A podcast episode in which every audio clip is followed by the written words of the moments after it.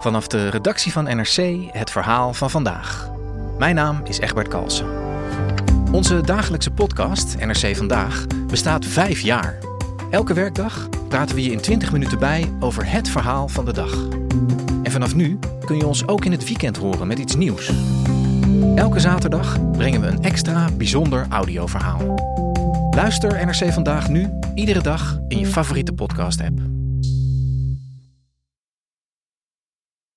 Dit programma wordt mede mogelijk gemaakt door Toto.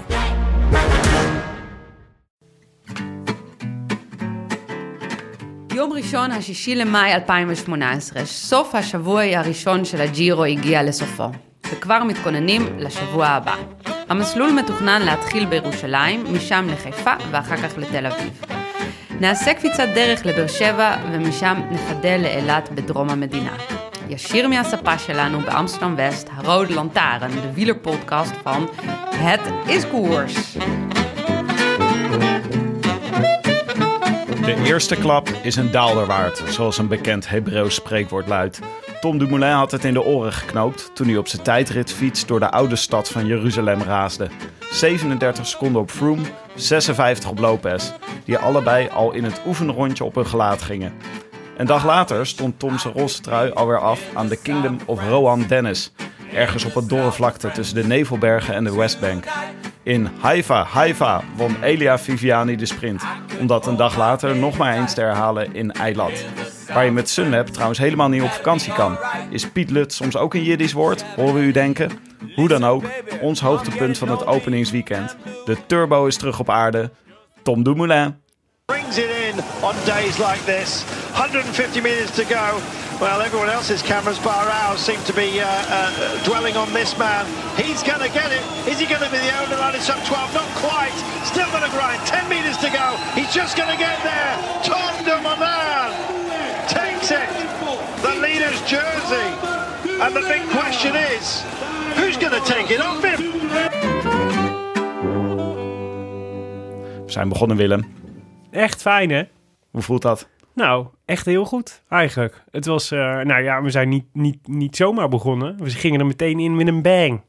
Ik was echt, eh, ik zat al helemaal in de Giro-stemming na, ons, na onze vooruitblik afgelopen donderdag. Ja, en het, ik, wat ik heel fijn vond, was dat er dus tussen het moment van onze Giro-voorbeschouwing op donderdagavond en de start van de, van de, van de openingstijdrit op vrijdag eigenlijk helemaal niet zoveel tijd zat.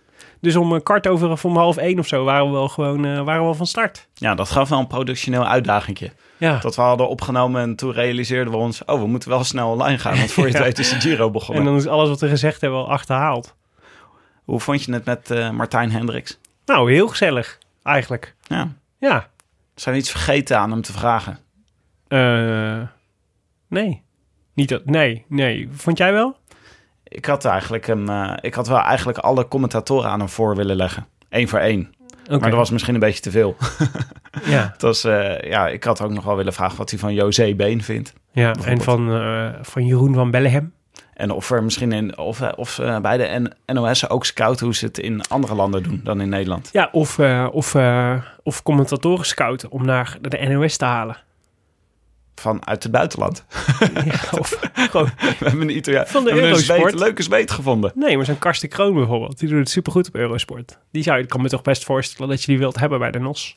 Ja, ik weet niet of, Of zou dan Karsten zijn, Kroon zijn dopingverleden dan weer in de weg zitten? Ja. En ik weet niet of het voor Karsten Kroon beter is om voor Eurosport of voor de NOS te werken. Ik vond het leuk. En ik vond het ook leuk dat Martijn Hendricks na afloop zei dat hij wel vriend van de show wilde zijn. Ja, vriend, vriend van de show, ja. Ik weet niet zo goed wat dat betekent. Het is een eretitel bij ons, een soort Ja. eh, erelid. Dat is Je- waar. Je krijgt een theelepeltje als je tien jaar vriend van de show bent. Ja, we, mochten, we mochten hem bellen als hij, eh, als hij tijdens de tour eh, de avondetappe aan het doen was. Op de parkeerplaats stond met Herman van der Zand. Ik zou niet zo goed weten wat we hem dan moeten vragen. Maar het feit dat het kan, vind ik heel leuk. Ja, dan gaan we, ja. Ik, ik vind het ook... ik mis wel de avondetappen zo tijdens de Giro. Dus toch geeft wel weer wat extra Ja. Cachet aan de, aan de ronde. Ja, dat is waar. Zeker. Avondprogramma. eh, ik merkte dat bijvoorbeeld vrijdag. Dat, we hadden natuurlijk die fantastische openingstijdrit gehad. Waar Dumoulin meteen uithaalde. En dan is het dat die was best wel vroeg afgelopen natuurlijk. Half vijf of zo zat het er gewoon wel op. En dan heb je zo'n soort van zit je vol adrenaline. En dan die wil je gewoon ergens kwijt. Dat moet gewoon Ja. ergens. Ik wil, ik ben dan na, ik wil dan nabeschouwen en naspreken. En, eh, en dat gebeurde dus nergens. Dus het bleef zo'n beetje met zo'n onbestemd gevoel. Zo onbestemd, de euforie kon nergens heen. Dat vond ik echt heel jammer. Ja. En, eh, Maar nou valt dat ook altijd wel een beetje tegen als je dan zo'n eh, als je een super spannende koers hebt gehad. mhm. En dan heb je de avondetappe. En dan moeten we eerst kijken naar hoe Gerard Joling zijn dag heeft bele- eh, beleefd in de, in de volgwagen. ja. Daar heb ik altijd veel Ja, maar zelfs willen. dat had ik er nu voor over gehad. Ja. Gerard Joling in de volgwagen achter, eh, achter eh, Dumoulin. Nog- Gieren zou dat geweest zijn, Tim. Gieren. Brullen. brullen. Anywho. Er werd vandaag veel gefietst sowieso. Ik was, eh, we hadden natuurlijk de, de Giro. Maar ehm, el- elders in de wereld werden er ook eh, aardige koersjes gereden. Ik begreep dat jij naar Algerije had gekeken. Ja, ik heb natuurlijk de hele dag... Het was echt zo'n dag dat je gewoon binnen wil zitten en koers wil kijken. Dus ik had een illegale stream dicht. opgezocht.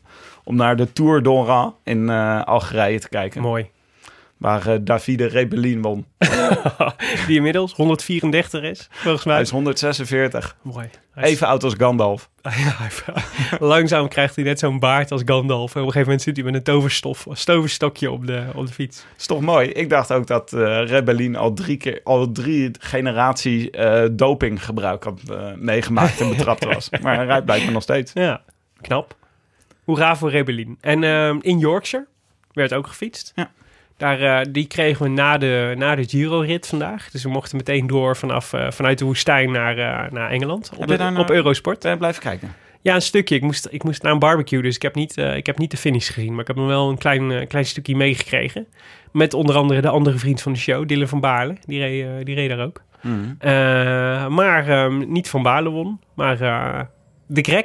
Kijk. Greg, Greg won de Tour, Tour of Yorkshire. Ja. Ja. Ja, het zal Greg leuk vinden, maar het is natuurlijk niet de ritten waarvoor hij. hij doet. zal er niet op gehoopt hebben, nee. Of nou, hij zal er wel op gehoopt hebben, maar hij had zijn, denk ik, zijn voorseizoen ergens anders op afgestemd dan de Tour of, Tour of Yorkshire. Wie weet. ik Misschien hadden ze hem wel omcirkeld. maar het In is het denk ik, ik denk wel dat het fijn voor hem is dat hij gewoon weer eens een, eh, dat hij gewoon weer eens zijn arm in de lucht kan steken. Ja. Want het is wel, daar is- dat je, het, je moet winnen leren, maar je moet het ook niet, je moet winnen ook niet ver leren, lijkt me.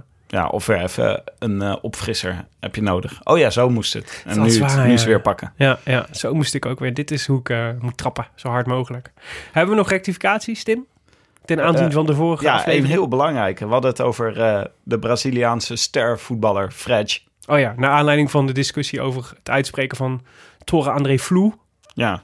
Die, en of ehm, je Valverde of Balberde van team Ja. Mobbystar moet zeggen. Movistar. Ja, Waar wij ons overigens strikt aan houden, natuurlijk. wij, ja, zeker, zeker, zeker. Maar, Soms eh, laten we er eentje per ongeluk eh, lopen, maar het is in principe Balberde van Mobbystar. maar wij in, we insinueerden abusievelijk dat, eh dat Frege een uitspraak van Frank Snoeks was. Maar Hidde Spaan, trouwe luisteraar, denk ik, wees erop Vriend van de show. ja, in godsnaam, laten we hem zo maar benoemen. Die wees ons erop dat, dat het niet Frank Snoeks was, maar Jan Roels. Ja. Een andere commentator van de NOS. Nou, we nemen het mee. We nemen Belangrijke rectificatie. Zeker. Ehm, ik, eh, ik heb een... eh, ik heb, eh, nou, we gaan, de, we gaan Israël verlaten. Dus, ehm, dus de, de intro van, die, die je net in het Hebreeuws hoorde, die was ook maar eenmalig. Maar waarvoor dank Agatha, want het, was, het, zag, het, zat het zag, vond je het niet mooi? Ja, prachtige intro. Hoe is, hoe is jouw Hebreeuws? Ja, ik verstond alles onmiddellijk. Je hebt alles verstaan, Ja, ja, Nou het was duidelijk. Ik was Pracht, prachtig geworden. Het enige wat ik jammer vond was dat ze niet, dat in plaats van onze bank in Amsterdam West, dat ze niet Westbank wilden zeggen. Volgende keer als we in Israël ik wilde nog starten. steeds dingen inspreken. Precies. Ehm, eh, maar we gaan dus naar richting Sicilië. Dus ik heb een natje meegenomen. Een Nero d'Avola. Spreek ik dat goed uit? Nero d'Avola. Nero d'Avola. Eh Het is een Merlot uit, eh, uit Sicilië. Dus die, die moesten we maar inschenken, toch? Ja. En terwijl ik hem inschenk, kunnen wij even luisteren naar... Een woord van de sponsor. Cheers, Tim. Proost. Is toch wel een beetje gek, hè? Eh, Nero d'Avola en dan een Merlot uit Sicilië, uit Sicilië. Want Nero d'Avola is toch ook een, een druif? Even kijken. Ah, het is slash. Nero Slash. d'Avola slash Merlot. Slash. Dus ik vermoed dat het een combinatie van twee druiven is. Ik denk dat ze zo bedoeld hebben, Wim. Slash. Sla- sla- slash. Maar jij weet gewoon dat Nero da Davola een druif is. Nou, als je op Sicilië bent geweest, dan, eh, dan, dan weet je dat, want dat, dan wordt dat overal geserveerd. Ik zag, ehm, kijk je wel eens Chef's Table op Netflix? Jazeker. Dat is echt, je hebt Heel nu leuk. dus de toetjes-editie van eh, Chef's Table. Dat is het nieuwste seizoen. Die gaat alleen maar over desserts. En er zit dus één aflevering in over Sicilië. En over, eh, volgens mij heet het zelfs Café Sicily. Of Café Sicilia. Mhm. Ja, dat weet ik niet helemaal zeker. Maar dat is in ieder geval, die gaat onder andere, die gaat dus over een, eh, een restaurant op Sicilië. Dat helemaal Siciliaans, Siciliaanse delicatessen maakt. En eh, die hebben echt, dat, dat, vond- dat vond ik de leukste aflevering. Dus dat is leuk om te kijken in de komende drie dagen als ze op Sicilië zijn. Ja, Kijk, tip. Goeie tip. Voor morgen, voor bij de rustdag. Voor, ja, nou, bijvoorbeeld. Bijvoorbeeld. Maar Willem, over desserts gesproken. Wat voor etappe was het vandaag? Oh, wat een goede brug. Ehm, het was een etappe waar veel zand was, Tim. Vooral veel zand. Echt heel veel zand. jij zei net, jij kwam net met een somber gezicht binnen en toen zei jij zand en een sprint. Ja, zand en een sprint. Ik heb ook een paar kamelen gezien en dat was een beetje het hoogtepunt. Nee, het was... ehm, ja, god, we hadden... Ja, dit, het was een hele lange etappe. 229 kilometer, de langste van de hele Giro. En hij ging van ehm Beersheva, Beersheva naar... eh, dat is een studentenstad. Mhm. Eh, ben jij ooit wel eens in Israël geweest? Nee, Nee. toch? Nee, ik ook niet. Maar Beersheva is een studentenstad. Beetje vergelijkbaar met Nijmegen, hoorde ik van, eh, van de kenners. Oh. Ehm, dwars door de Negev-woestijn. Dat was dus dat zand. En ehm, finish in Eilat aan de Rode Zee. En, eh, en eh, dat was wel weer mooi. Daar waaide het een beetje. Maar verder was het vooral veel zand. En er was een ontsnapping met Boivin. Dat was die Canadees die we gisteren ook al in de ontsnapping zaten van de Israel Cycling Academy. Die heeft zijn eh, premie wel verdiend, want dat was de enige van de Israel Cycling Academy die, we, die eh, succesvol eh, overal aan meedeed. Dus dat was hartstikke goed van hem. Niet eh, de, de snijtand. Nou, de snijtand die probeerde het gisteren eventjes. Nif. Ja, maar die zat, eh, dat, eh, dat was, die had ook een soort, die, dat was de eerste Israëliër in de patat. Ooit. Ooit. dus die kreeg, die werd ook gehuldigd een na afloop. ja, precies. Mooi. Ja, ja. en eh, die kwam niet weg. Maar die, ja, die is ook gewoon niet zo goed. Dus het is ook niet zo gek dat hij niet wegkwam. Maar, ehm, eh, en Barbien, de, de, de bolletjesstruidrager, die zat er ook weer in de ontsnapping. Samen met die Boivin dus vandaag. En Frapporti van Androni. Ja, het was natuurlijk van tevoren wel te voorspellen dat er, zat, er waren bergpunten. Dus Ja. dan krijg je een ontsnapping. Ja. En, eh, Ja, en die Barbien heeft het wel goed is gedaan. wachten tot, eh, tot het groepje wordt ingelopen. Ja, maar dus, dus, eh, ja, dus, dus het waren dus drie middelmatige, nou nee, drie van de slechtste ploegen uit, uit de Giro die allemaal een afvaardiging in de vlucht hadden gestuurd. En die bleven redelijk lang vooruit. En toen werden ze aan het einde, zoals, zoals aan alle kanten aangekondigd, werd die, werden ze ingelopen en Ja. werd het een massasprint. Ik zat dus gewoon een prachtige zonnige dag vandaag. Echt de eerste echte zomerse dag van het jaar. En ik zit binnen naar deze vlakke etappe te kijken door de woestijn. En ze reden ook nog langs allerlei bouw, eh, bouwplaatsen en zo. Het was niet zo dat er een mooi klooster was waar, eh Nee, maar ik val me, dat valt me sowieso nog wel wat over tegen. kon vertellen. Ik, ik- als ik eerlijk ben, vind ik het nog niet echt eh, reclame voor Israël hoor. Deze, deze, deze, dit Nou, openingsweekend. Tom Dumoulin vindt anders wel reclame voor Israël. Hoezo? Nou, dat zei hij. Het is toch mooi? Dat is toch wel een goede reclame voor, eh, voor Israël, zei hij vandaag. Ja, maar kijk, ik vind goede reclame is als je mooie plaatjes ziet. Laten we Ja. zeggen, dat hele Two Cities One Break gevoel, dat heb ik hier niet aan overgehouden aan, deze, eh, aan dit openingsweekend. Wat is ook weer Two Cities One Break? Dat is eh, reclame, toch? ja, dat is de Tel Aviv, Tel Aviv Jeruzalem reclame. Maar daar zitten allemaal mooie plaatjes in. En natuurlijk ook mooie vrouwen, maar ook plaatjes van de, van de, van de omgeving. Ja. En, ehm, en eh, dan denk je, ja, dit, is, ja, dit is wel wat, dit land. Maar, en dan, maar je zou verwachten, eh, dan sturen we de renners ook even langs de mooie plekjes. Maar ja, net vandaag, dat was gewoon eh, 70 kilometer zand. Wat we hebben zitten kijken. Dat is toch niet leuk? En George Bennett was, die werd ook nog geïnterviewd na afloop. En die, Mhm. zei, die zei, ja, dit is, eh, als het reclame is voor Israël, heb ik wel maar één kant van het verhaal gezien. Vond Mhm. mooi dat hij dat zei. En had zin in een croissant en espresso. Dus was blij dat naar Italië gingen. Ja, een kritisch man, die George. ja. Oké. Nee, maar dat vond ik jammer. Want ik dacht, Israël heeft vast veel meer te bieden dan wat ik nu gezien heb. Dat was, eh, dus, Ja. ja. nou ja, goed. Nou ja, misschien is dat ook wel een goed gevoel. Dan heb ik in ieder geval de neiging, oh, misschien moet ik er eens naartoe. Ja. Anywho, dus de massasprint. Ehm ja, die verliep een beetje eh, vergelijkbaar als gisteren. Dus eh, hoewel Ja, nou eigenlijk wel. raar, Hetzelfde eh, hoofdrolspeler. Ja, ze hadden, het beetje raar aan het parcours was dat ze op een gegeven moment een soort U-bocht maakten in het parcours. En dan ineens van win mee naar win tegen gingen. Ja, ja. Dus dat was wel even, dat was wel even wennen. Goh, wat een omslag. Ja, in één keer gaan we de andere kant op. Nou, het was nog wel Het heel even... raar. ja, het was echt iedereen, iedereen van slagen, dit en dat. En, Ja, maar nee, het was nog wel een ingewikkelde finale met allemaal rotondes en verkeersheuvels en zo. Ja. Dus je had wel je ploeg nodig om te Ja. zorgen dat je goed bleef zitten. ja en eh, ik maakte me daar ook wel een klein beetje zorgen over, eerlijk gezegd. Want ehm, ik had net voordat, eh, zo'n beetje op 15 kilometer voor het einde, zag ik op Twitter een paar plaatjes met dat het echt super hard waai, begon te waaien in Eilat. En, ehm, en, eh, en je weet dat het, eh, dat in ieder geval de hele tijd al was, werd een soort van gezegd, volgens mij waar het ook nog herhaald, dat je die Negev-woestijn, dat kan, daar kan het wel echt spoken. Dus het kan echt eh, stormen. En, nou, en, en je kunt eh, wind tegen hebben. Nou, je, hè, dus alle, alle ingrediënten voor waaiers. Of het kan super heet zijn. Wat, eh, wat bij een etappe van 229 kilometer natuurlijk nog extra heftig is. Dus, maar sowieso, na 229 kilometer is natuurlijk, is, dat, dat is pittig. Dus als je dan aan het einde van, zo'n, van, van die uren op de fiets ook nog super op moet letten, dat kan best wel gevaarlijk zijn. Ja. Dus eh nou ja, props zelf- voor het peloton, want er gebeurde niks, hè? Ja, er, gebeurde, er wa- waren zelfs niet echt val, valpartijen. Nee. Wat natuurlijk nog wel interessant was, was dat er sommige renners afvlogen.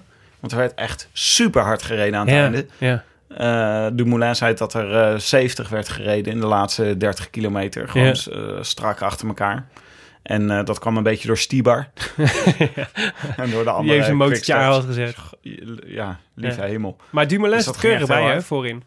Finish de keurig voorin, maar hij had wel dus, zwaar eh, gehad, zei hij. Ik heb dus eh, op de bank gezeten met mijn telefoon geprobeerd foto's van het beeldscherm te maken. Want ik zag dan Tendam een hele tijd in beeld rijden. Het zag spectaculair uit.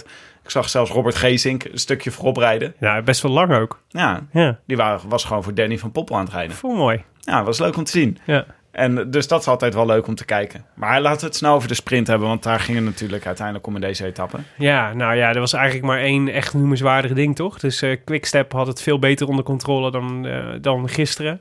Eh, Viviani zat goed geplaceerd, volgens mij.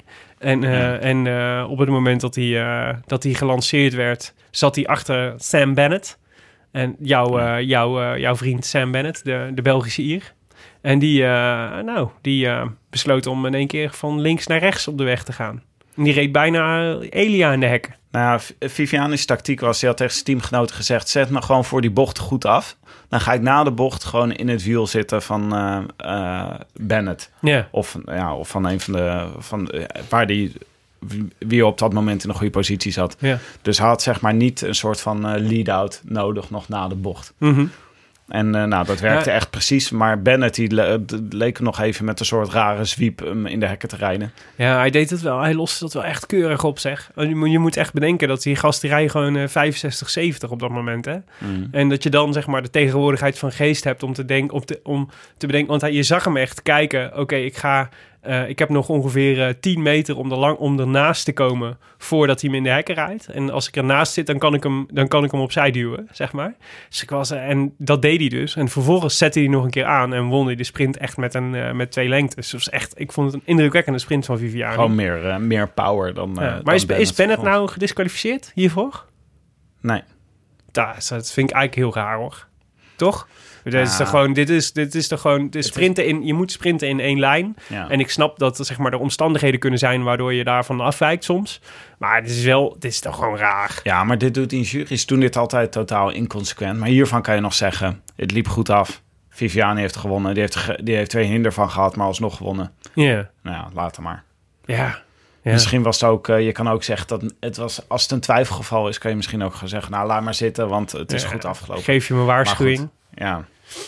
Ja, ik weet niet, ik vond het best wel een grove overtreding eerlijk gezegd. Want hij deed het niet, hij ging, hij, hij, het was niet één beweging ook. Hè. Hij ging in drie keer ging hij naar rechts. Dus Ja. hij, en die maakt me, ja, ja, hij voelt hem echt wel komen ook. Dus dat is gewoon Willem, gek. Dit is een Ier, die doen dat soort dingen niet. Ja. Het zijn niet Ja, jij- andersom was dit een logische redenering geweest. Jij maakt, je, jij maakt je zorgen over de beeldvorming rondom Sam Bennett, begreep ik. Ja.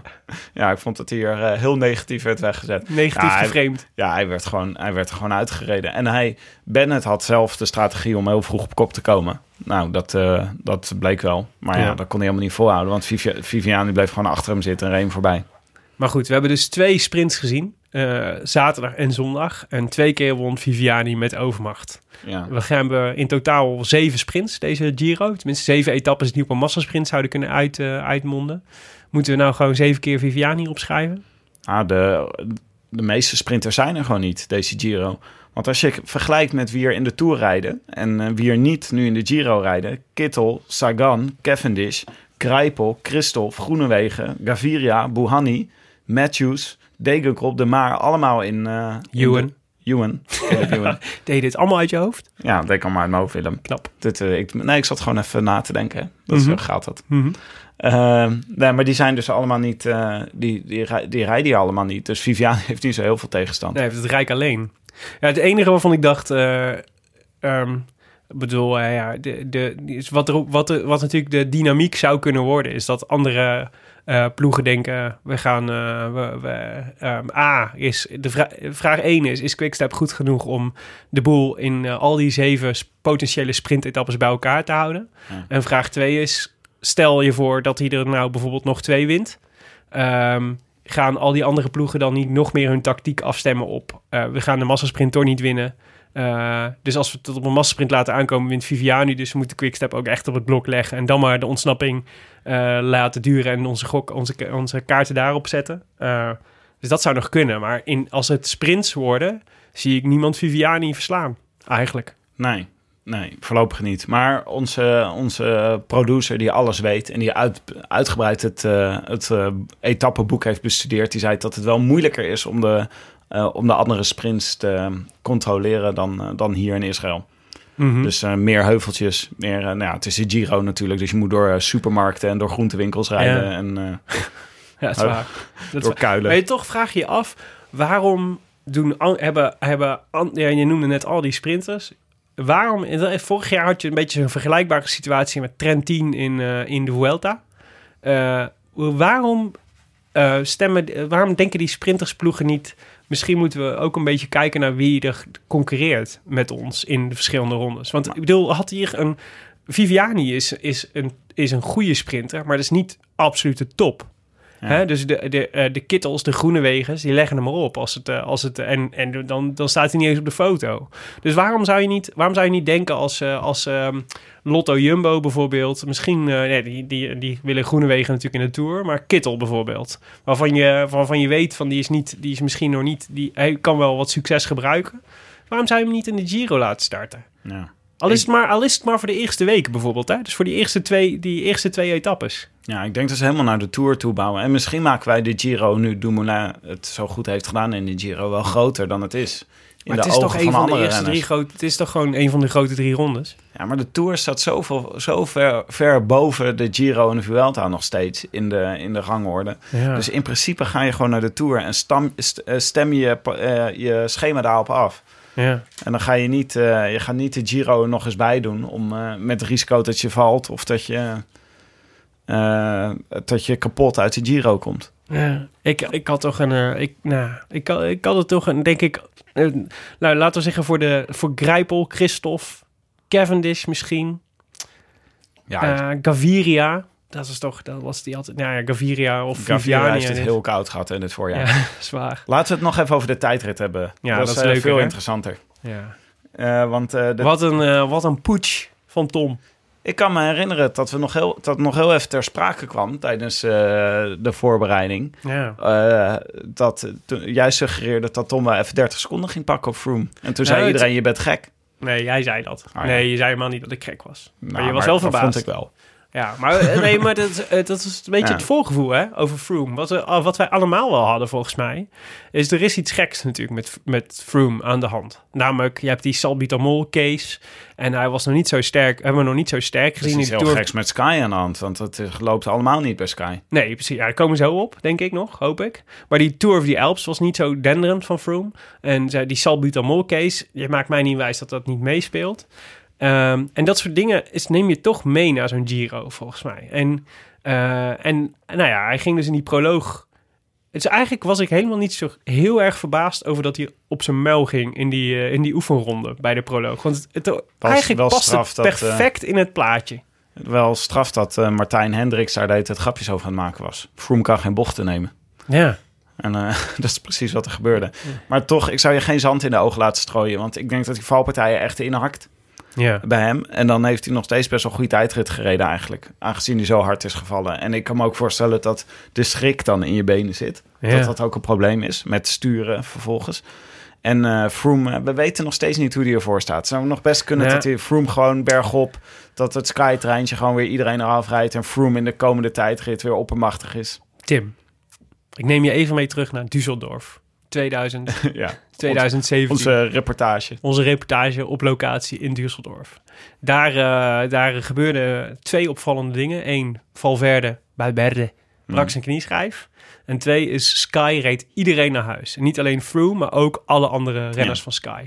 Als je nu in de uitslagenlijst kijkt, is, eh is eh, Froome nummer 1 op 21. Dan heb je Poels, die werd 24ste.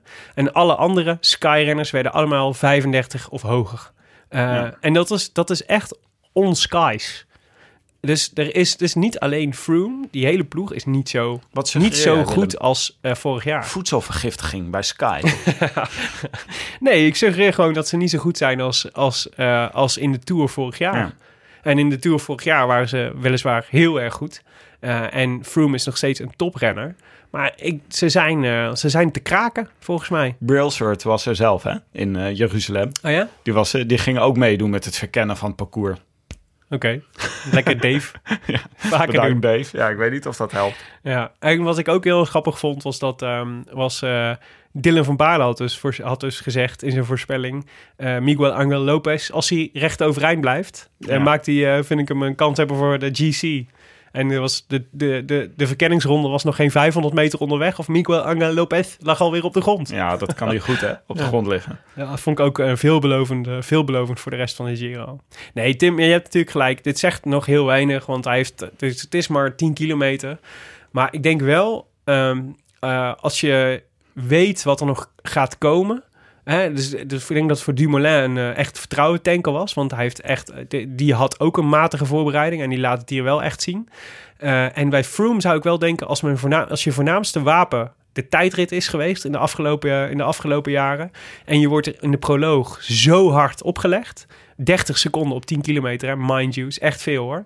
Eh, en je gaat even doorrekenen. eh, er komt nog een tijdrit in de tweede week die Dumoulin nog meer ligt dan deze. Eh, en, en die is vier keer zo lang. Dan zou ik denken, dat betekent dus, als ik pech heb, moet ik ergens anders 2,5 minuut goed maken op Dumoulin Ja. om de Giro te winnen. Ik kan me ook voorstellen dat het voor Froome ingewikkeld is. Dat je denkt van, oeh, ik kwam vandaag wel iets te kort. Ja, En dan komt dat straks ook nog. Ik bedoel, wij kijken naar Froome als, als natuurlijk de machthebber. Die waarschijnlijk beter is dan we denken. Maar Froome zelf, als je een beetje onzekerheid in je benen hebt... en dan, eh, dan dat aan ziet komen... dan ga je toch wel zorgen maken. Ja, hij moet. Dus het interessante wat Jonne zei in de voorbeschouwing. ehm, de voorbeschouwingsaflevering was. Het interessante is, is dat, je, dat je dus eh Froome op zijn eigen domein. hè, dus Dumoulin is een, is een vergelijkbare renner met, eh, met Froome. Eh, en, eh, en het feit dat, dat Dumoulin op dat terrein uitdaagt, betekent dat Froome dus op een ander terrein, een veel onzekerder terrein voor hem moet gaan aanvallen. En dat is dus Ja. nu wat er gebeurd is. Hij wordt het offensief ingedwongen. En de vraag is of dat hij dat kan. Ja, ik ben het daar niet helemaal mee eens. Want het was inderdaad in de Tour van afgelopen jaar... was dat zo dat hij gewoon met tijdritten de Tour heeft gewonnen. Mhm. Maar het is in de jaren daarvoor, het is echt een paar keer geweest dat Froome gewoon op beslissende moment iedereen op een hoop reed, bergop, met de finish bergop. En dat zie ik ook nog steeds gebeuren hoor. Dat zou nog best kunnen dat dat nu ook gebeurt. Want de vraag is wel dat Dumoulin had het best een paar keer moeilijk vorig jaar tijdens de Giro Zeker. bergop. Ja. En met zo, er doen zoveel goede klimmers mee. En ik, Froome is ook, ik, ja, we weten het niet. Misschien is hij hetzelfde als in de Tour van vorig jaar. Maar als hij Froome op zijn best is, dan eh, is er nog best kans dat Froome gewoon echt een paar, paar eh, klimmen gaat aanvallen. Ja. Gebruiken om aan te vallen en niet vertrouwt op zijn tijdrit. Nee, maar je zegt volgens mij de, de sleutel in dit betoog is als Froome op zijn best is. En ik heb geen indicatie gekregen dat Froome op zijn best is. Nee. Maar we hadden ook geen indicatie hiervoor dat Dumoulin op zijn best was. Nee, maar die hebben we gekregen. Ja, nee, dat is waar. Daar, daardoor wordt koffiedik kijken natuurlijk. Maar ik ben wel benieuwd, want Ja, dat is, gewoon... dat is het hele, dat is precies, dat is wat we doen. Koffiedik kijken. Ja, maar het leuke is als je, Daar naar, als je naar het lijstje kijkt van de, de Laten we naar het lijstje kijken. Van, eh, van de tijdrit. Ja. Dan als het, um, als het inderdaad de Giro wordt waarin de tijdrijders tegen de klimmers gaan strijden. De tijdrijders, Dumoulin en Froome aan de ene kant en Mhm. al die klimmers aan de andere kant. Dan hebben de klimmers eigenlijk niet eens zo heel veel tijd verloren hier op Dumoulin. Dat als er een beetje verschil gaat ma- gemaakt gaat worden straks op de Etna...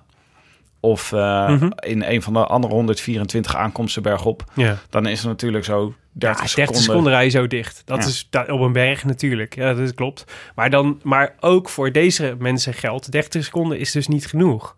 Want die 30 seconden is, is op 10 kilometer tijdrit. En er komt nog een tijdrit van 37 kilometer. Dus en die, eh, waar, die nog veel meer om wattages draait dan deze. Dus ze, hebben niet, ze moeten meer pakken op Dumoulin dan wat ze hier, dan wat ze hier verloren hebben. Als ze niet in slagen om, om echt een gat te slaan met Dumoulin, dan ga je er in de laatste week gewoon alsnog op. Net als kijk naar wat er, drie, wat er vorig jaar gebeurde. Wie, eh, wie vond je goed tijdens deze... eh, tijdens- Vivo, leuk dat je het vraagt. Potso, leuk. Die heb je zelf natuurlijk opgeschreven in je top 3, toch? Ja, ik vond, een, eh, ik vond het verrassend goed. Nee, Simon Yates deed het natuurlijk super. 20 seconden van, vond ik knap, echt knap. En ook veelbelovend. Maar zijn dat in, eh, passen zij in de categorie klimmers of in de categorie tijdrijders? Yates en Potso Vivo. Nou, Pozzo Vivo past, de, voor Pozzo Vivo was het verrassend dat hij het zo goed deed. Ja. Dus meer een klimmer dan een, eh, dan een tijdrijder. Yates eh, is, is pff, ja, de, de puncheur zou Jonne zeggen, denk ik. Maar de, dus, de, de niet, dus eh, niet de ultiem stijl eh hooggebergte, maar hij kan het wel. Eh, maar de, de- ja, Yates vond ik ook, eh, was gewoon goed hè, 20 seconden. Ja. Maar kijk, Pinot bijvoorbeeld, die eh, laat alweer 33 seconden los. Eh Froome 37. Pino zat zo grillig hè, met, dit soort, met die tijdritten. Ja, het was gewoon. Ik denk dat Pinot gewoon op zijn niveau reed. Maar dat zou me zorgen baren als ik Pinot was. Hij had, dus, de- want ja, ik- die. eh, Ik weet het niet, Willem. Ik weet niet of zij zich echt zorgen maken over deze tijdsverschillen. Ik denk dat ze het een beetje ingecalculeerd hebben. En weten dat hun... Ik weet niet of het... Want we maken er natuurlijk een soort vertrouwen kwestie van. Dat Ja. deze tijdrit... eh, dat het alvast een beetje het schaakstukken neerzet. Maar ik denk dat de meeste van de klimmers... gewoon eh, gaan, eh, gaan een karretje gaan inhaken bij Nee, je Dumoulin gelijk. en Froome. je hebt gelijk. Maar misschien moeten we dan in plaats van naar de, naar de bovenkant te kijken, naar de onderkant gewoon, te kijken. je bent gewoon heel positief over Dumoulin. Dat Zeker. snap ik. Je bent heel optimistisch gestemd. nee, maar ik wil, Maar- Je, ik wil je gelijk gaan geven. Ja, ja. Maar dat, Ja. eh, daar ging ik vanuit natuurlijk. Nee, maar dus laten we in plaats van naar de bovenkant te kijken, naar de onderkant te kijken. Dus wie is er doorheen gezakt? Ja. En, eh, en wie heeft grotere schade opgelopen dan eigenlijk mag in zo'n proloog? Nou, ehm, Michael Woods, eh één minuut. Dat vind ik te veel voor, eh, voor, eh, voor eh, iemand met klassementsambities. Lopez ook, dat was natuurlijk ook gevallen, maar is hij ook bijna een minuut, 56 seconden. En Aru ook 50 seconden. hè. Dat is ook Ja. veel hoor. Ja. En, en daar kun je wel van zeggen, ja, dat, dat natuurlijk is, natuurlijk maak je dat, dat, dat kun je, 50 seconden kun je prima ergens goed maken. Maar A, doe het maar eens. En B, je maakt mij niet wijs dat, dat eh Aru blij was met deze, met, met deze opening. Want het is hoe dan ook, het, eh, het, geeft een, het geeft gewoon een rotgevoel als je meteen met 50 seconden op je knijter krijgt van, eh, van, eh, van Dumoulin, ja. denk ik. Ja, ik denk het ook. Maar ik vraag me af welke mensen hadden ingezet op de tijdrit en welke niet. Hoe vond, hoe vond je eigenlijk hoe vond je Jos van Emden? Dat was, eh, daar, daar rekende jij op.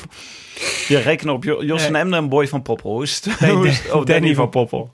Ja, de Lotto Jumbo's hebben me wel een beetje teleurgesteld dit weekend. Nee, ik zei met een beetje mazzel, hè. Maar eh, nee, Van Emden was... eh, ja, Jon had uiteindelijk gelijk. Het was gewoon, het was te, gewoon te stijl voor hem. Er zaten gewoon iets te veel klimmetjes in.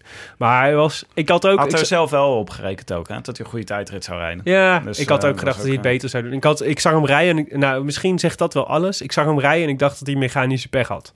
Oh, En, eh, en, eh, en dat, nou, dat had hij niet.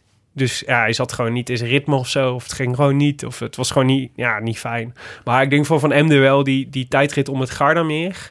Dat, zal zijn, dat, is, dat, wordt natuurlijk, dat is natuurlijk zijn echte doel. Want dat is veel meer nog een tijdrit die hem ligt dan deze. jeetje, dat filmpje wat Sunweb had gemaakt, hè? Van, die, eh, van de voorbereiding van de tijdrit. Ja, Wat hadden ze veel aantekeningen?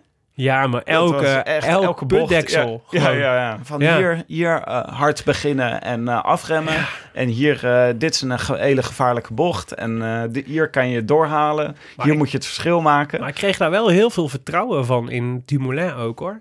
Dat hij, dat zo professioneel eruit zag. Ja, Ja. Ook dat, en dat hij er zo rustig onder was ook. Van, hé, hier moeten we even, hier, niet, hier geen risico, want dit is gevaarlijk. Of hier is de weg slecht. Of, ik dacht, hij is gewoon, hij is echt scherp. En, eh, en ik ken hem natuurlijk... Ik, dus, bedoel, dit, is de, dit is een van de eerste keren dat je dit op deze manier ziet. Ik vond echt props voor Sunweb overigens. Want ik vond dit echt heel erg leuk. Ik kan, dit, dit is dus bijvoorbeeld zo'n filmpje waarvan ik hoopte dat het gewoon 300 uur zou duren. Ja. Je Omdat gewoon- alle details zien. ja, ja, ja, maar, dit is, maar ook dat je denkt, waarom gebeurt dit niet altijd? Dit is toch, dit is nog honderd keer leuker dan, eh, dan misschien zelfs de proloog zelf, weet je wel? Dit soort, dit soort behind-the-scenes beelden. Ja. Ja. Ik, ik, ik, kan, ik kon er echt geen genoeg van, genoeg van krijgen. Maar ehm, eh, ja, dat was top. Ja, het, was wel, het was wel een fantastisch moment, deze tijdrit. Want we hadden eigenlijk... Ik, zag, eh, ik zat even te kijken naar het kaartje van eh eh etappeuitslagen van, Dum, van Dumoulin in het voorjaar. Ja. Hij had eh, 37 UCI-punten bij elkaar gesprokkeld. En dit waren in één keer 100. ja. Dus dit was wel een opsteker. Ja, waar ik ook van, ehm het is over de, ehm, volgens mij hadden we in de voorbe- voorbeschouwing hadden we het ook over Tom Dumoulin die, eh, die volwassen geworden was, die een volwassen indruk maakte. En, en ehm eh, dat Visbeek had het daar, had het daar in, in, eh, in, over, bij de ploeg ook over, hè? over Team Sunweb, dat het eigenlijk, dit ging over Toen we spraken Ja. aan het begin van het seizoen. dit, gaat, dit is het jaar waarin Team Sunweb verras, verwa- volwassen moet worden. En, en daar hoort bij dat je omleert gaan met pech. En, en, en je niet laat afleiden van het grotere plaatje als er dingen, als er dingen misgaan. En ehm, ik had een moment, eh, na afloop van de, van de proloog, zat Tom Dumoulin schoof aan bij de persconferentie van de, van de, na de eerste tijdrit. En, ehm, en dat vond ik, dat deed hij zo geweldig goed. Heb je die gezien? Ja. Dat is dat. Hij was op een gegeven moment had hij. eh, hij had. Ik, ben. Ik, eh, ik heb een communicatiebureau, hè, dus ik kan. Dit is ook wel dingen waar ik altijd een beetje. eh, ik, ik- ik let hier altijd wel een beetje op. op maar ehm, die jongen die snapt echt wat. Een, Dumoulin snapt echt wat er nodig is om geliefd te worden als renner. Dus het, wielrenner heeft. heeft ehm, eh, personages nodig. Hè? Dus je hebt de, de, klootzakken en de, en de valsspelers en de helden en de, en de, en de durvals. En weet je, je hebt allemaal dat soort, dat soort oer-archetypen heb je nodig in het ren, een wielrennen om echt mooie verhalen te kunnen maken. En Dumoulin heeft, echt heel, heeft dat echt heel goed begrepen. Dus die, heeft soort, die eh, zat bij die persconferentie en die had ehm, eh, over, over ehm, hoe goed je in beelden kunt denken bijvoorbeeld. Dus hij had ehm, zijn regenboogtrui van de, van de tijdrit had hij aan en daarover het roze. En hij zei toen op een gegeven moment, zat hij daar en hij, hij, hij pompte zijn borst een beetje op. En hij zei, ja, ik ben nu heel blij, want ik heb de twee mooiste, de twee mooiste truien ehm, eh, ter wereld heb ik, om mijn, eh, heb ik om mijn schouders. En toen deed hij zijn ritje naar beneden, zo'n roze ritje. En daar kwam die wereldkampioen trui van de tijdritter. En je zag die, die perschef van de Giro d'Italia, die zat ernaast. Die zat te glimmen, jongen. Een soort van... En toen dacht ik, die Ja. perschef van de Giro d'Italia, dit is, dit is nu dus wat hij in Italië doet. Dus Tom Dumoulin snapt van, ik, moet, eh, ik kan hier, ik moet zorgen dat ik, eh, dat ik eh, geliefd Italië binnenkom. Ja. Dus de hele tijd gaat het al over de love affair tussen Tom Dumoulin en de Giro d'Italia. En, en hoe, ze, hoe, hoe die twee elkaar helemaal liggen. Dat heeft hij in die openingspersconferentie bij de bekendmaking van het parcours heeft hij dat ook al gezegd. Dat hij de Giro in zijn hart had gesloten. En, en je moet dat eens even... Dus, dus in termen van contrast, dus ook even tegenover Froome zetten. En tegenover de positie waarin Froome nu zit. Dus Froome heeft dus nooit, heeft dat nooit echt goed gekund. Hè? Niemand houdt echt van Froome, volgens mij. Dus je vindt, iedereen vindt hem een hele steengoede renner. En, eh, en, eh, maar ook, hij heeft ook iets mechanisch of iets robotesks. Hey, jij, jij noemt altijd de, de Skybot, de Skybot train, zeg maar, als soort van... En, eh, en eh, als je nu kijkt wat er nu gebeurt in het duel Dumoulin-Froome, dan is dus de eerste klap is dus die, eh, die, eh, die tijdrit. Maar de, de, de image building is Dumoulin ook op alle fronten aan, het- aan het winnen. Hij is zo'n, het is echt zo'n goed merk aan het worden, Dumoulin. En, en ik, denk, ik denk serieus, ik weet niet, dat gaat hem natuurlijk... je weet nooit hoe hem dat helpt. Maar ik weet zeker dat Italië hem, eh, langzaam maar zeker in het hart aan het sluiten is. En dat, is, dat doet hij door dit soort, dit soort fantastische optredens. En door steeds heel minutieus te benadrukken hoe fantastisch hij het vindt. En dit soort beelden te laten zien. Die zag je, dat die regenboogroze, weet je. Ik zag, ik volg een paar van die Italiaanse journalisten op Twitter. Die hadden het allemaal meteen als soort van gifje, hadden ze het, eh, hadden ze het, eh, hadden ze het gepost. Het werkte. Het werkt als een trein. Die jongen is zo slim daarin. Is knap het hoor. was, eh, iemand reageerde nog op... Dumoulin die zegt nu van... Ja, sport en politiek zijn gescheiden. En ik vind het schitterend om hier te rijden in Jeruzalem. En het is toch hartstikke mooi. En Ja, Tom Dumoulin zei nog toen... het WK... in Qatar werd aangekondigd, zei hij... ja, dit is toch geen, dit is toch geen wielrennen, dit is rijden in de zandbak. Daar was hij nu wel even, dat, wat, Ja. daar was hij nu even kwijt. Dus, Ja. eh, dus hij is hij snapt- goed in geworden. Ja, hij snapt gewoon waar hij wel en niks over moet zeggen. Ja, weet ik niet. Ik vind dat ook, de- ja, dat, is waar- dat denk ik ook. Maar het is natuurlijk ook een beetje het leuke. Het dwarsen is ook wel leuk aan Dumoulin. Ja, maar, de, de- dus dat, maar dus bij het merk Dumoulin hoort ook dat je af en toe ehm, iets verrassends doet, volgens mij. Hè? Dus vorig Ja. jaar had hij, eh, had hij dat momentje met eh, Quintana eh, en met eh, Nibali. En, eh, en dat hij hoopte dat ze allebei zouden verliezen. En dat Ja, ze... dat was een foutje. Dat vond hij Ja, fout. ja, nee, dat was een, ja, oké, ja, dat was een foutje. Dat denk ik inderdaad ook dat er een foutje was. Maar ook met Kruiswijk en Mollema over de Nederlanders die samen moesten, die toch ook eens samen moesten werken. Er zijn, dat zijn ook wel dat soort stekeligheden en dat soort, dat, dat is ook wel Dumoulin. Dat hij dat, en, maar dat maakt hem eigenlijk een hele aantrekkelijke driedimensionale renner, zeg maar. En het maakt hem interessant. Hij is, En het is, hij is geweldig, Willem. Het was hou ook van een hem. hartstikke goede. Het was ook een fantastische tijdrit. Maar we moeten door, want we gaan is ook zo. in godsnaam, we gaan naar Italië. Ja, nee, ja, naar Italië. We gaan naar Sicilië. Ja. Niet eens, niet, niet, niet zomaar land. Italië. Het oude land, ja, Ooit precies. opge- opgericht door Eneas, toch? Of begonnen, ontdekt door Eneas. De eerste stad is Dat weet ik niet. Is dat zo? gebouwd door Eneas. Iets met Eneas. Oké. Eneas. En eh, ja, de rit waar we naar uitkijken natuurlijk is eh, donderdag. Ja, de Etna. Dat is eh, de rit naar de Etna. Dan zijn we er ook weer. Ehm, dus daar gaan we met de Rode, de rode Lantaarn voorspelbokaal ook maar eventjes naartoe. Maar eerst even de administratie van, van deze keer. Eh, wie hadden wij voorspeld? Jij had Danny van Poppel Ja. Vijftiende. en Jos van Ende. Nee, nee, ja, ja oké, oké, goed. Danny van Ik Poppel. had, nee, ja, ik had eh, Sam Bennett. Ja, Martijn eh, Hendricks had Jakub Maresco. Ja, en eh, Jonne is er vandaag natuurlijk ook. Jonne had Elia Viviani. Ja, wel Hallo. een beetje een makkelijke Nou, keuze Jonne. hoor, Jon- Jonne. Ja, maar ik had wel erbij gezegd dat het met één been was. Hij zou met één been gaan winnen. Hij zou met één been gewinnen. Oh, ja. Dat is gelukt ook. Dat was een beetje een, een, eh, een tegenvaller dat hij niet letterlijk één been was, bedoel je? Ja, nou ja, met één been had hij het ook gered. Het was, eh, ja, je mocht ook wel als eerste kiezen. Ja, had ik de eerste keus? Ja, Oh, ja. was het wel heel makkelijk, ja. ja. Maar goed. Ja, eh, ja, makkelijke doelpunten moet je ook maken. Nee, bij zeker. De makkelijke nee, maar hij, is- zit erin, dus, eh, dus wij klagen helemaal niet. De videoref heeft er niks over gezegd. Oké, gelukkig. Maar het werd dus alweer eh, Viviani. En eh, ook, ook dus, dus nou, het werd vandaag en gisteren Viviani. Vandaag ging het er dus om, om de voorspelbokaal. En dat hadden heel veel meer mensen goed. Niet alleen Jonne. Dat meen je niet. Ja, maar onder andere ook Arjan Westerveld. Luisteraar van het eerste uur volgens mij. En die wint de voorspelbokaal van vandaag. Dus je krijgt het boek over de Australische renners die in 1928 voor het eerst aan de Tour meededen. Toen de etappes nog 500 kilometer waren. Ja. Ja, die. En ehm, omdat we er aankomende donderdag weer zijn, eh, dus dat is de laatste dag op Sicilië, eh, gaat de volgende voorspelbokaal dus over die etappe. En die gaat van Caltanissetta. Caltanissetta. Caltanissetta. Klinkt als een plek waar jij wel eens op vakantie bent geweest. Klinkt als een eh, plek voor een goede camping. Ehm, die gaat naar de sterrenwacht op de Etna. Of het observatorium. Ik weet niet, is dat hetzelfde als een sterrenwacht? Ja, waar je naar sterren... maar je kan ook naar planeten kijken, Willem. Het hoeft niet per se sterren te zijn. Oké. het observatorium op de Etna. Eh, het is een rit van 163 kilometer, waarvan liefst 30 kilometer op de vulkaanflanken. Ehm, dat belooft dus echt spektakel. Het is eigenlijk de eerste keer dat, eh, dat, we, dat, eh, dat we bergop finishen, deze Giro. Eén van zeven, volgens mij. Zeven aankomsten bergop. Acht, dacht ik. Acht? Dat zou, zou, mij. zou kunnen. Ze rijden hem op een iets andere manier op hè, dan vorig jaar. Want vorig jaar reden ze er met z'n allen gewoon eh, gezellig eh, in een groepje naar boven.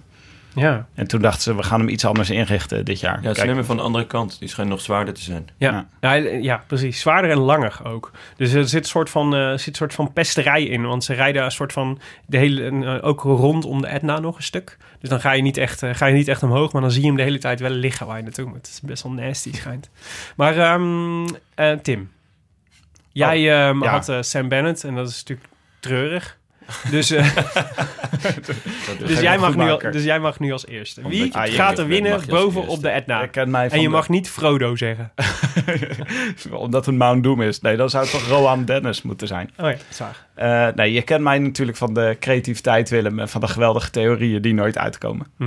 Nee, ehm, Schets ons het scenario, ik, Tim. ik denk dat, Hoe gaat eh, het lopen op de Etna? Nou, ik denk dat Pinot het eh, gaat wagen om een paar dagen in het eh rosse te kunnen rijden. Ik denk dat hij een aanval gaat wagen op eh, de Etna. We staan niet zo ver natuurlijk van, eh, van eh, eh, Dumoulin af. Mhm. En, ehm, en van Rowan Dennis af. En ik denk dat hij de komende dagen gewoon makkelijker bij kan blijven zitten. Er komen wel een paar moeilijke etappes nog aan. Een paar heuvelachtige etappes. Maar ik denk dat hij er gewoon bij kan blijven. En dat dit een perfecte klim is voor hem. Oké. Dus eh Pinot. Thibaut Pinot. Ja. Jonne. Ik ga voor Yates. Simon. Simon. Simon Philip zag ik vandaag bij de, de uitslag. Simon Philip Yates? Ja, ze Ja. doen alle tweede, derde, vierde en vijfde namen. Dus eh, laat ze ook zien eh, bij de Giro. Dat vond ik opvallend. Simon Philip Yates. Hoe Eh, is, gaat het scenario zijn? Ik denk eh, dat de grote matadoren ehm, ja, gelijk deze etappe, dat ze die echt hebben omcirkeld. Ja. Ja, de eerste klap is een daalder waard. En ik denk dat iedereen die goed is, eh, gaat rijden. Ik denk ook niet dat ze een kopgroep gaan laten rijden. Daarom ook. Ik denk dat ze gewoon echt ook voor die etappe overwinning willen gaan. En dat, dus eh, het wordt zo'n klein groepje. En dan denk ik dat Yates de beste punch heeft. Net zoals vorig jaar eh, Young Bubbles. Ja. Was ook, dat was echt een heerlijke etappe. Toen hoop ik eerlijk gezegd ook een beetje op de... Ik weet niet of dat op de Etna was, geloof het niet. Op de Maar- Etna won Poulenc vorig jaar. Ja? Die Ah, oké. was, was, het Jan. groepje. Jan Oh, ja. Poulenc. Die Oh, doet nu ook weer Poulenc. mee. Misschien Ja. gaat hij het wel weer proberen. Nou, dat zou kunnen. Maar Jij ja, hebt ja, dat Thibaut Pinot gezegd. ja, Ja. en niet ook nog Jan Polanc. Oké. nee, maar het wordt Pinot. Ja, dus eh, ik eh, sprint in een klein groepje met eh, de, de grote namen. Ja. Of, of dat hij misschien dat hij de laatste paar honderd meter al ervoor doorpieft. Ik denk wel dat er een groepje wegblijft. Oh. Ja. Ik denk dat Astana de koers hard gaat maken. En eh, Astana heeft genoeg pionnen. Ehm, Ja, een En heb- sterke ploeg. Een hele sterke, het sterkste van de Giro, denk ik eigenlijk. En ik denk, ehm, eh, ik, ik, eh, ik heb, het, eh, ik heb hoge verwachtingen van Luis Leon Sanchez in deze, in deze Giro. Dus ik, ik ga voor Sanchez in de ontsnapping, die als enige overblijft op de top van de Etna. En ik denk inderdaad dat, het, dat de echte kleppers heel dichtbij komen, maar net niet dichtbij genoeg, omdat ze onderschatten hoe hard Sanchez omhoog kan rijden. Ja. Een rare renner blijft het, hè? Dat is een hele rare renner. Die is van, Ik, van ook, ik heb ook het gevoel dat hij al naar- 60 is, maar Ja, dat is helemaal Hij niet. doet ook echt al 100 jaar mee. Ja, En vroeger won hij ook gewoon nog wel gewoon massasprints, toch? Dat, de- daar ging hij altijd voor. ja, Ja, dat is waar, ja. Toen hij bij Rabo zat. En nu wordt hij gewoon getipt eh, voor op de Etna. ja. Ik, eh, ja. ja, we gaan het zien. Ik had eerst, ik had eerst eh eh, Geesink opgeschreven. Omdat hij... Ja, ook eh, eigenlijk een beetje... Ik denk dat Geesink eigenlijk in hetzelfde groepje gaat zitten als eh, Louis de Leon. Althans, hoop dat hij daarin zit. En, ehm, maar ik heb Sanchez nog net iets hoger zitten dan, eh dan Geesink. En, eh, maar toch, ik wil hem toch even genoemd hebben, Geesink. Volgens mij gaat eh Geesink voor tijdsverlies.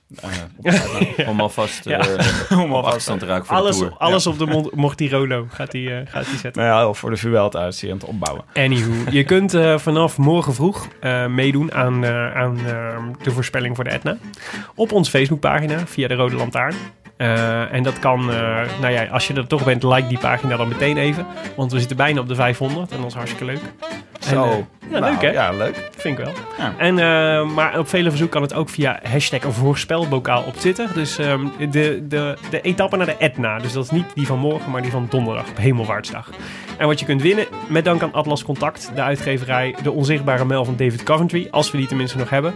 En anders een, andere, een Ja, ander ja, boek uit een... eh, ja? Ja, sowieso. Oh, ik zeggen, ze hebben een omvangrijke wieler arsenaal, boeken, wieler arsenaal boeken. Een arsenaal aan wielerboeken. en, eh, maar dit is, eh, die onzichtbare mijl, die is, eh, die is sowieso leuk. Dus nou, als we er nog eentje hebben, krijg je die. En anders een andere. Oké, Nou, Tim. u luistert naar, naar de Rode Lantaarn. Ja, Gepresenteerd door uw favoriete bankzitters. Willem Dudok en mijzelf, Tim de Gier. En geproduceerd door Jonne Series van Dag en Nacht Media. Wij danken Het Koers.nl, de leukste wielerblog van Nederland en Vlaanderen... voor de morele steun op vele fronten. En Shimano Service Centers voor de sponsoring. Vandaag extra dank aan Agatha Woudwijk. Agatha. Niet Ik Agatha. zo mijn best om het goed uit te Ik spreken. vind ze echt niet leuk. Eh, nou, toch dank aan eh, Agatha. Agatha. voor de Rode Lantaarn intro in het Hebreeuws. Als je wil reageren op deze uitzending, dan kan dat. Via Twitter zijn we te bereiken via Willem Dudok en Tim de Gier en Tom Garçon, waarbij de eerste O een 0 is. Eh, en abonneer je voor- proberen. En abonneer je vooral ook op iTunes en laat daar ook eventjes een reviewtje achter, zodat andere mensen de podcast ook kunnen vinden. Tim, hebben we nog een leuke review om voor te lezen misschien? Nou, verhip, ja zeker. Door eh, Martijn Blankers, zonder tweede, zonder, zonder E. Blankers. Dus Blankers. Eh, die heeft op 1 mei 2018 het volgende geschreven. Geweldige podcast. Heb de laatste weken letterlijk alle afleveringen geluisterd. En was weer helemaal terug in de afgelopen tours en klassiekers. Volgende tour wel een beetje meer vertrouwen in Groenewegen AUB.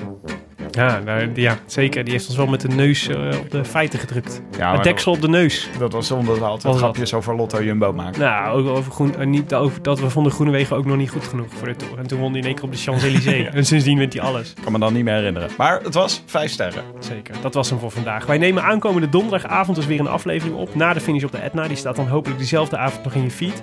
Maar in de drie dagen, of de vier dagen tot die aflevering. Als je nou nog eens iets anders wilt proberen qua podcast. Wij genieten bijvoorbeeld wekelijks van de Willem-podcast. Die gaat niet over mij, maar over het proces van Willem Holleden. En daarin beschouwen misdaadjournalisten Harry Lensink en Marian Huske wekelijks terug en vooruit op alles wat er in de rechtszaal gebeurt. eh, rondom dat proces van eh, Willem Holleden. En dat doen ze reuze smakelijk en super geïnformeerd. Ehm, dus die, eh, die tippen we bij deze. Leest jij hem ook, Tim? Leuk, goede tip. Ja, toch? De Willem Podcast. Ook te vinden op iTunes, net als wij. Mooie dagen. Tot donderdag. Ciao. Uh, arrivederci. Totdat je Xavitem La Rode Lantaarn. Lied rood, tot ziens en ciao. I wish I could be in the south of France. In the south of France. Sit right next to you.